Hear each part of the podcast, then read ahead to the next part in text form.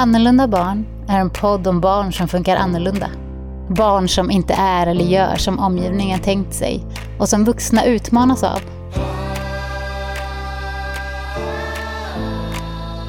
Den här podden är för dig som träffar de här barnen.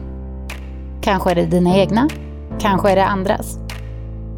Oavsett så finns det sätt att tänka på och saker som kan vara bra att veta eller påminna sig om som gör både din egen och barnens tid här på jorden lite enklare att hantera.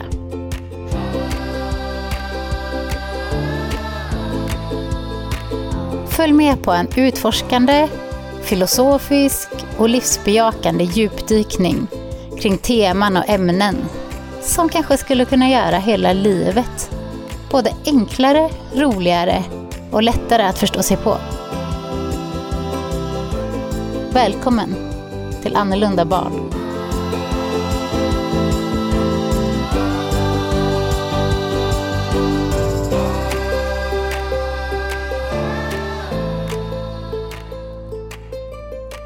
Ouppfostrad eller missförstådd. Två ganska olika ord, eller hur? Men de skulle kunna användas till att beskriva exakt samma sak, beroende på perspektivet man har. Och det är så intressant med ord. För bara den korta, eller ibland långa, uppsättningen bokstäver skapar så många reaktioner, känslor och historier. Vi kommer troligtvis att ha ett avsnitt om det här med ord, för jag märker att det är viktigt att vara medveten om det. Beroende på vilka ord vi använder så kan vi skapa motstånd eller öppen kontakt. Och det kan vara väldigt intressant att observera detta i egna och andra samtal. Och att träna på att byta ord när man märker att resultatet inte blir det man önskar. Min utgångsplats är att man oftast vill skapa en närmare kontakt om man jobbar med eller befinner sig kring andra människor.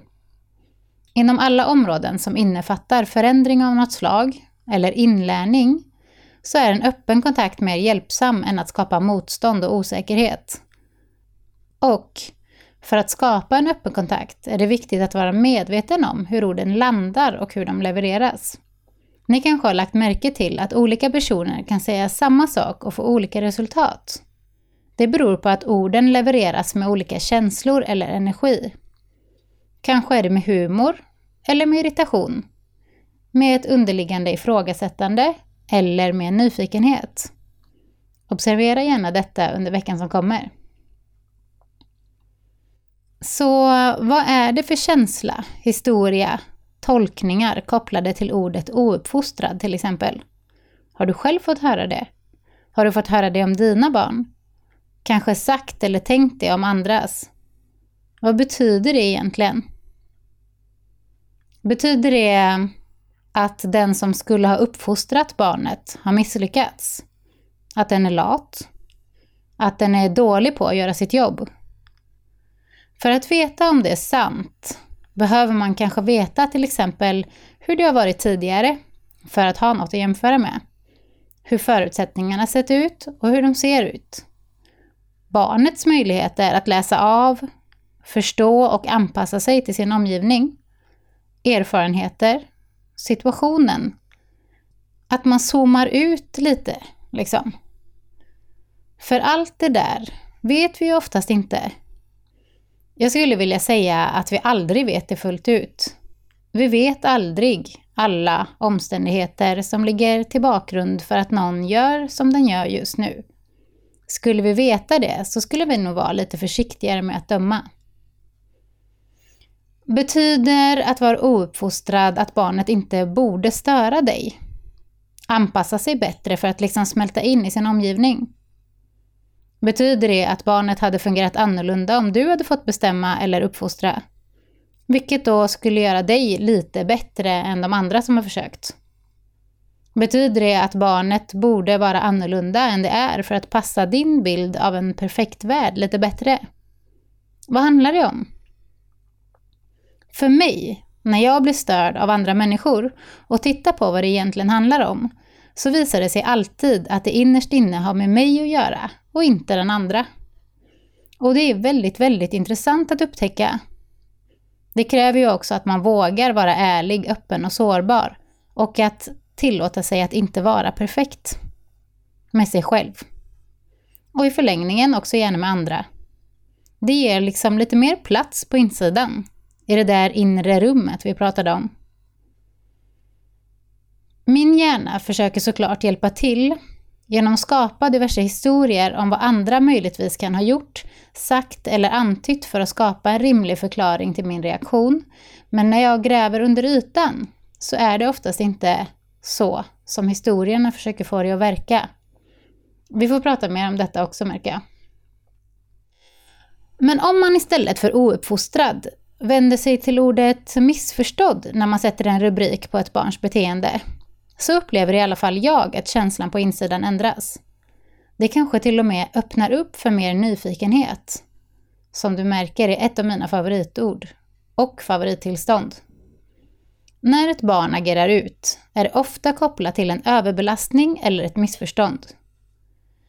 En överbelastning skulle kunna vara en situation som inte matchar barnets förutsättningar just nu. Att gå i affären efter en dag på dagis eller i skolan samtidigt som man är trött och hungrig till exempel. Du har säkert en liknande erfarenhet av känslan som skulle kunna infinna sig när du varit tvungen att handla efter en lång dag på jobbet. Affären är full med folk, du hittar inte det du behöver, glömmer saker och behöver gå tillbaka och hamnar till slut i en lång kö. Du kanske har en handbroms. Man skulle också kunna ge den ett mer medicinskt ord som då skulle kunna vara en frontallob, som faktiskt funkar hyfsat bra. Du har också tränat på den här typen av situationer och du valde den faktiskt också. Du klarar av att hålla känslan inom dig. Barnet klarar inte det. Det blev överbelastat och det som känns på insidan kommer ut. Ett missförstånd är det där som gör att vi förväntar oss att barn ska klara av saker som de inte kan. Och de där snabba slutsatserna och lösningarna som skapar en problem-lösningskedja, som vi var inne på i avsnitt 3. Kedjan där din lösning blir ett problem för mig och min lösning blir ett problem för dig. När vi glömmer att stanna upp och fråga, försöka förstå och istället tolkar och skapar ohanterbara konsekvenser. Och här glömmer vi att konsekvensen redan är på plats utan att vi behöver göra något alls eftersom barnet uppenbarligen upplever en svår känsla, vilket ju är en konsekvens i sig. Beteendet är en konsekvens av en jobbig känsla och vi vill ju egentligen inte göra det värre eftersom vi vet, någonstans inom oss, att det inte är hjälpsamt. Igen, gå tillbaka till dig själv och känn efter.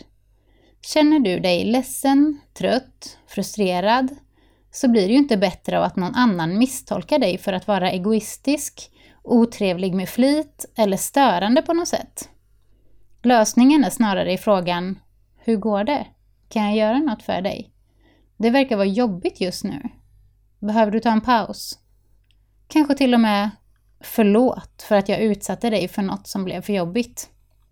En bra reaktion för barnet i affären till exempel.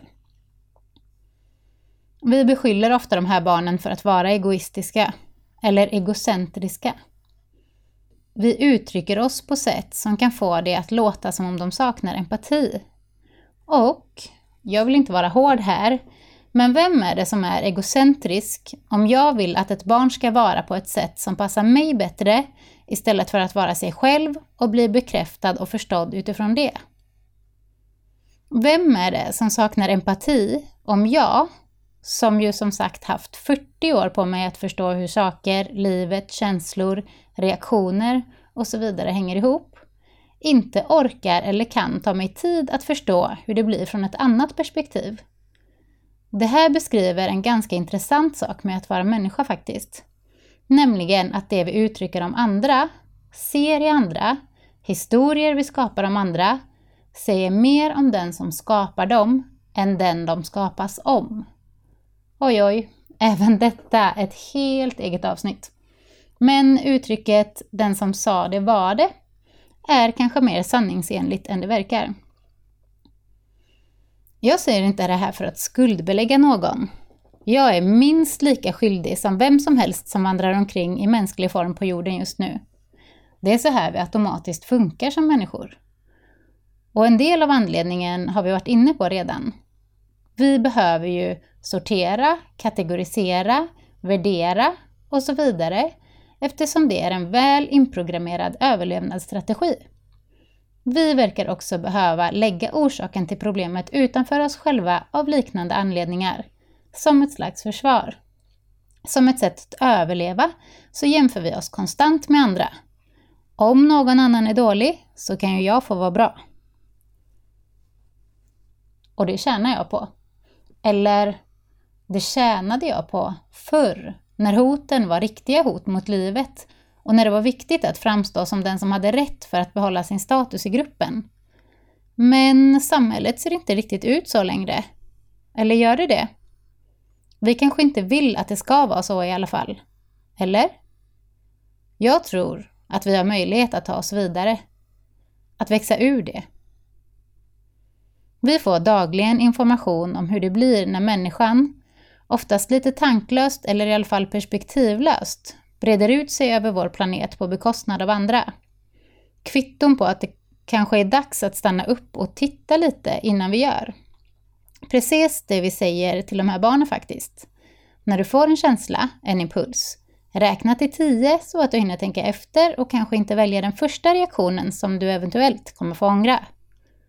Vi säger ganska kloka saker till våra barn, men glömmer ibland bort att göra likadant själva. Vi har så enormt mycket kunskap om hur vi funkar, varför och vad det är vi håller på med egentligen. Kunskap som dels finns inom oss, lätt tillgänglig om man tar sig tid att iaktta, lyssna och vara ärlig med sig själv. Ungefär samma kunskap kan man också hitta i forskning om hjärnan, gruppdynamik och sociala relationer. Väldigt intressant tycker jag. För mig är det två världar som möts där och jag tycker faktiskt att det är ett vackert möte. Ett fascinerande möte. Tänk att hjärnforskningen kommer fram till samma sak som man själv kan komma fram till genom att nyfiket titta på. Det här med att vi ofta startar med en negativ tolkning av andra verkar ha fysiska kopplingar i hjärnan det med. Den vägen till det negativa, avvisande tankarna, är lite kortare av just den anledningen skydd och överlevnad. Men strax efter finns det en möjlighet till en nyfiken fråga, nämligen är min tanke verkligen sann? Kan jag vara helt säker på att historien jag just skapade om den oansvariga bilföraren som passerade mig 20 km för fort på motorvägen verkligen är sann? Kan det finnas en annan förklaring? Är han sen till ett bröllop? Är han på väg hem till ett barn som inte mår bra? Det skulle såklart kunna ligga något i den första tanken, men hur får den då mig att känna? Om jag inte vet säkert, skulle jag inte då lika gärna kunna välja ett perspektiv som innehåller omtanke och kärlek istället för ett som kanske skapar en känsla av irritation? Om inte för någon annans skull, så för min egen. För de här barnens skull önskar jag verkligen att vi lite oftare försöker skriva om våra automatiska historier. För, precis som jag nämnt flera gånger tidigare, har jag inte hittills träffat något barn som inte önskat att få passa in.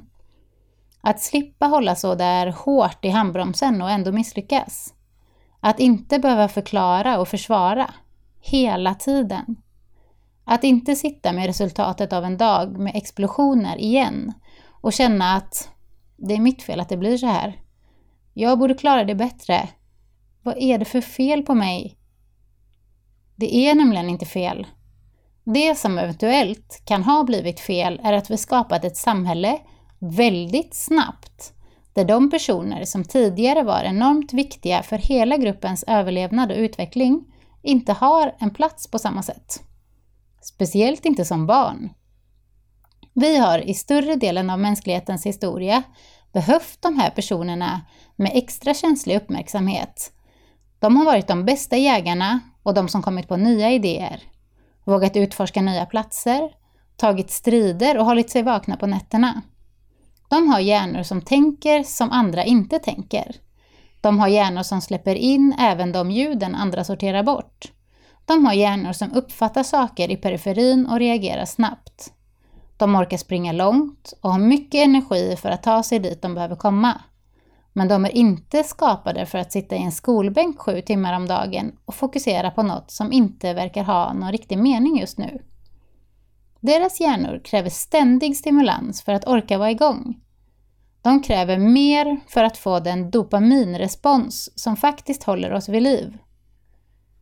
Jag tänker inte lägga ner jättemycket tid på att förklara dopaminets funktion i kroppen, men ni känner säkert igen att detta har en hyfsat stor funktion i vårt inbyggda belöningssystem.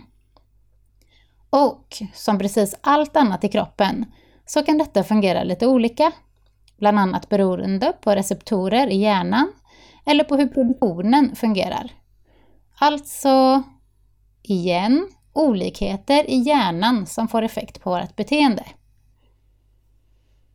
På sätt och vis skulle man kunna säga att barns hyperaktivitet är ett sätt för dem att hålla sig vakna och att få livet att te sig meningsfullt och intressant.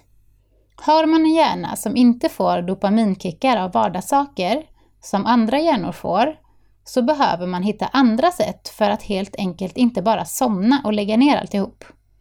Jag tänker att det är en av anledningarna till att människor med ADHD också har ganska stor risk att råka ut för depression. Utan dopamin blir liksom hela livet ganska meningslöst.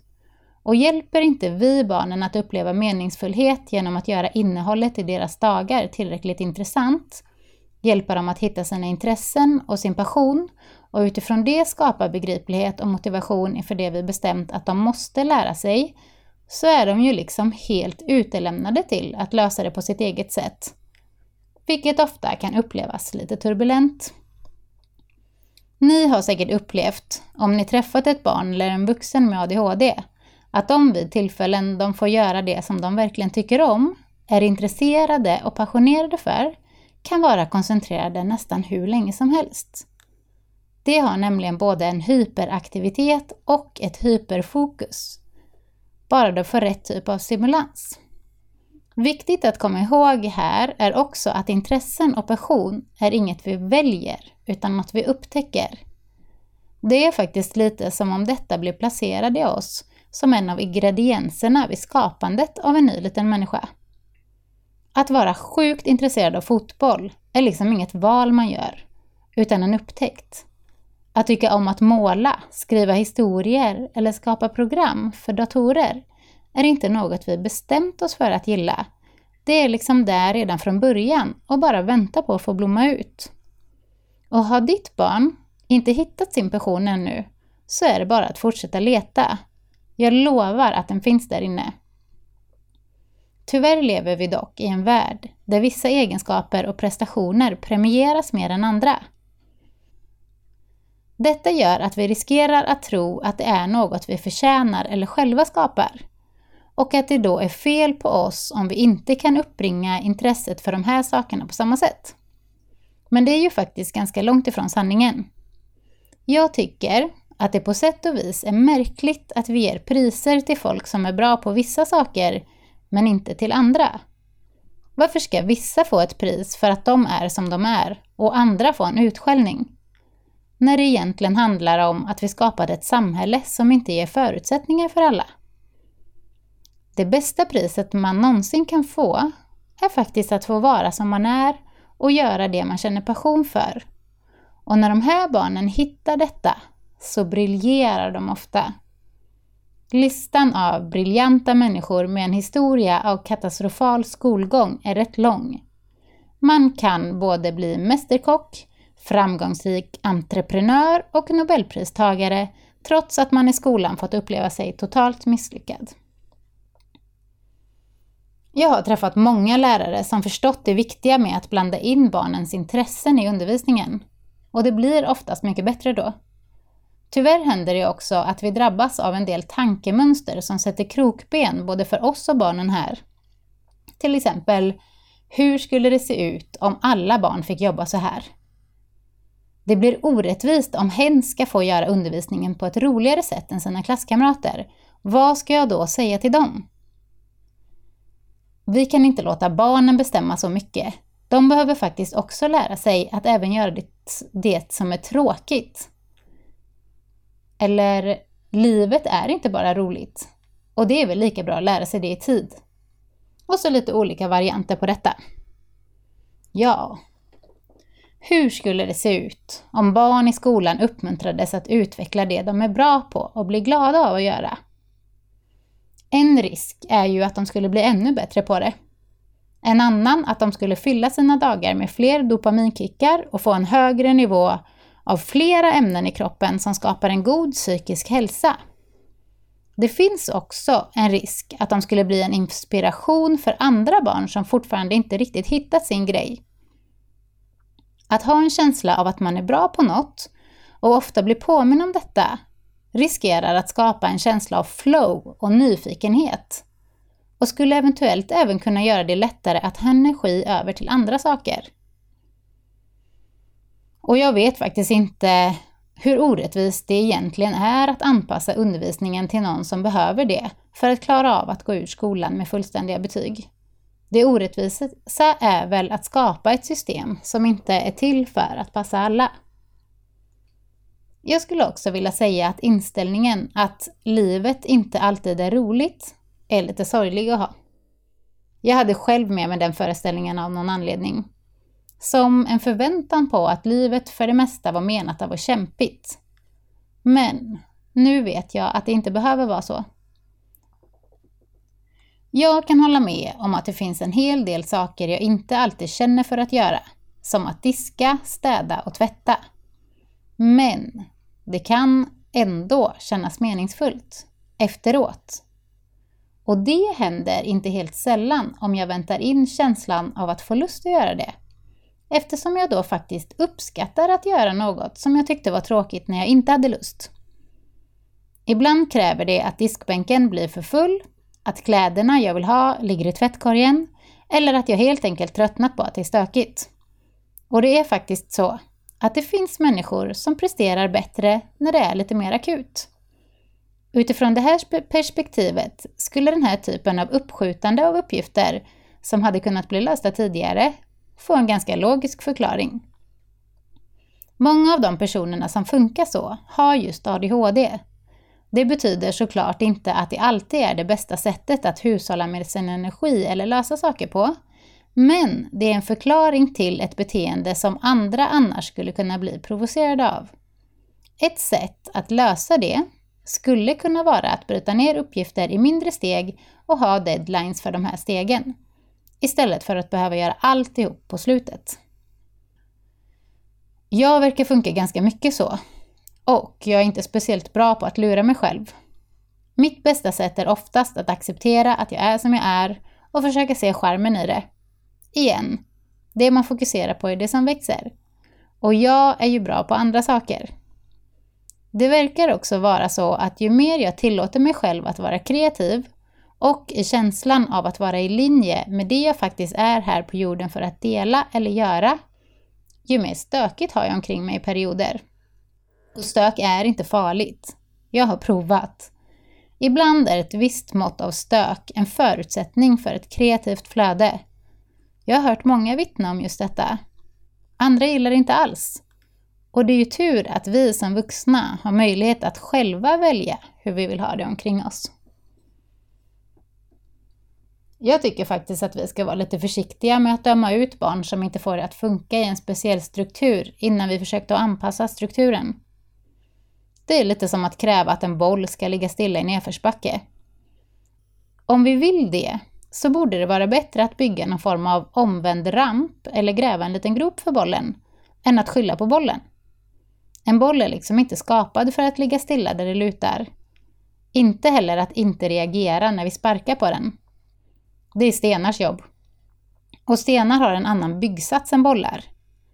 Hänger ni med där? Eller var det en för luddig metafor?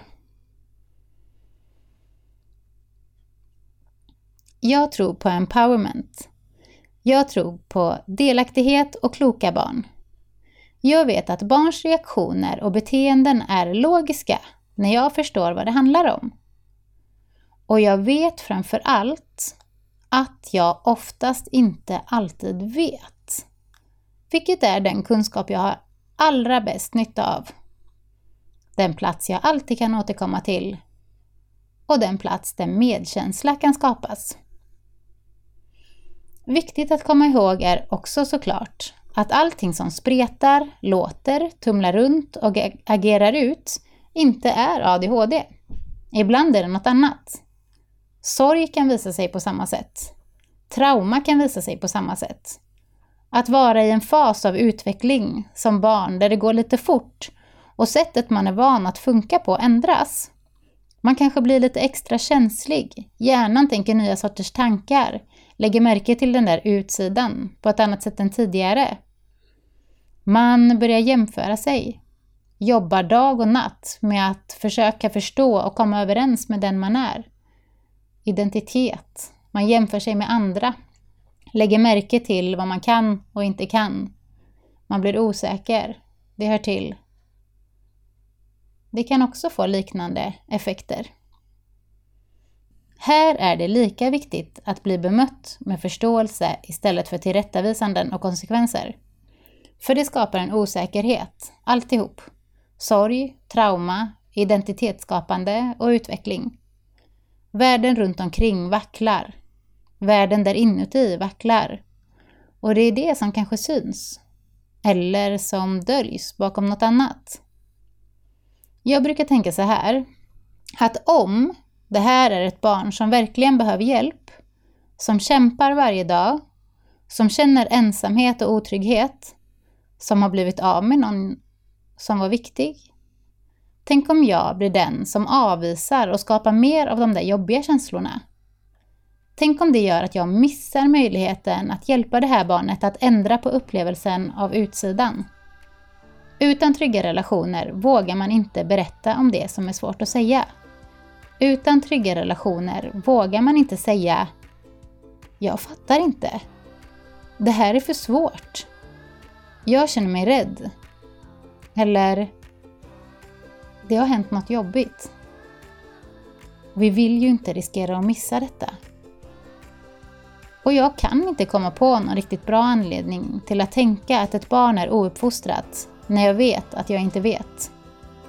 Det finns för många anledningar att tänka tvärtom. Vad är det jag inte förstår? Hur kan jag nå fram? Finns det något jag kan göra för att det ska bli lugnare på insidan? Och det finns det ju säkert. Om man inte vet vad, så kan man ju alltid fråga. Eller åtminstone tala om att man vill veta och förstå. Och med ett stort tålamod då, eftersom en del barn är ovana att få den frågan, så kan den ju vara lite svår att svara på. Och då kan man ju prova igen. Eller vänta lite säga att det är okej okay att fundera på det och att jag kommer fråga igen. För att jag är en nyfiken typ som vill lära mig mer om hur just du fungerar. Så tänker i alla fall jag. Hur tänker du?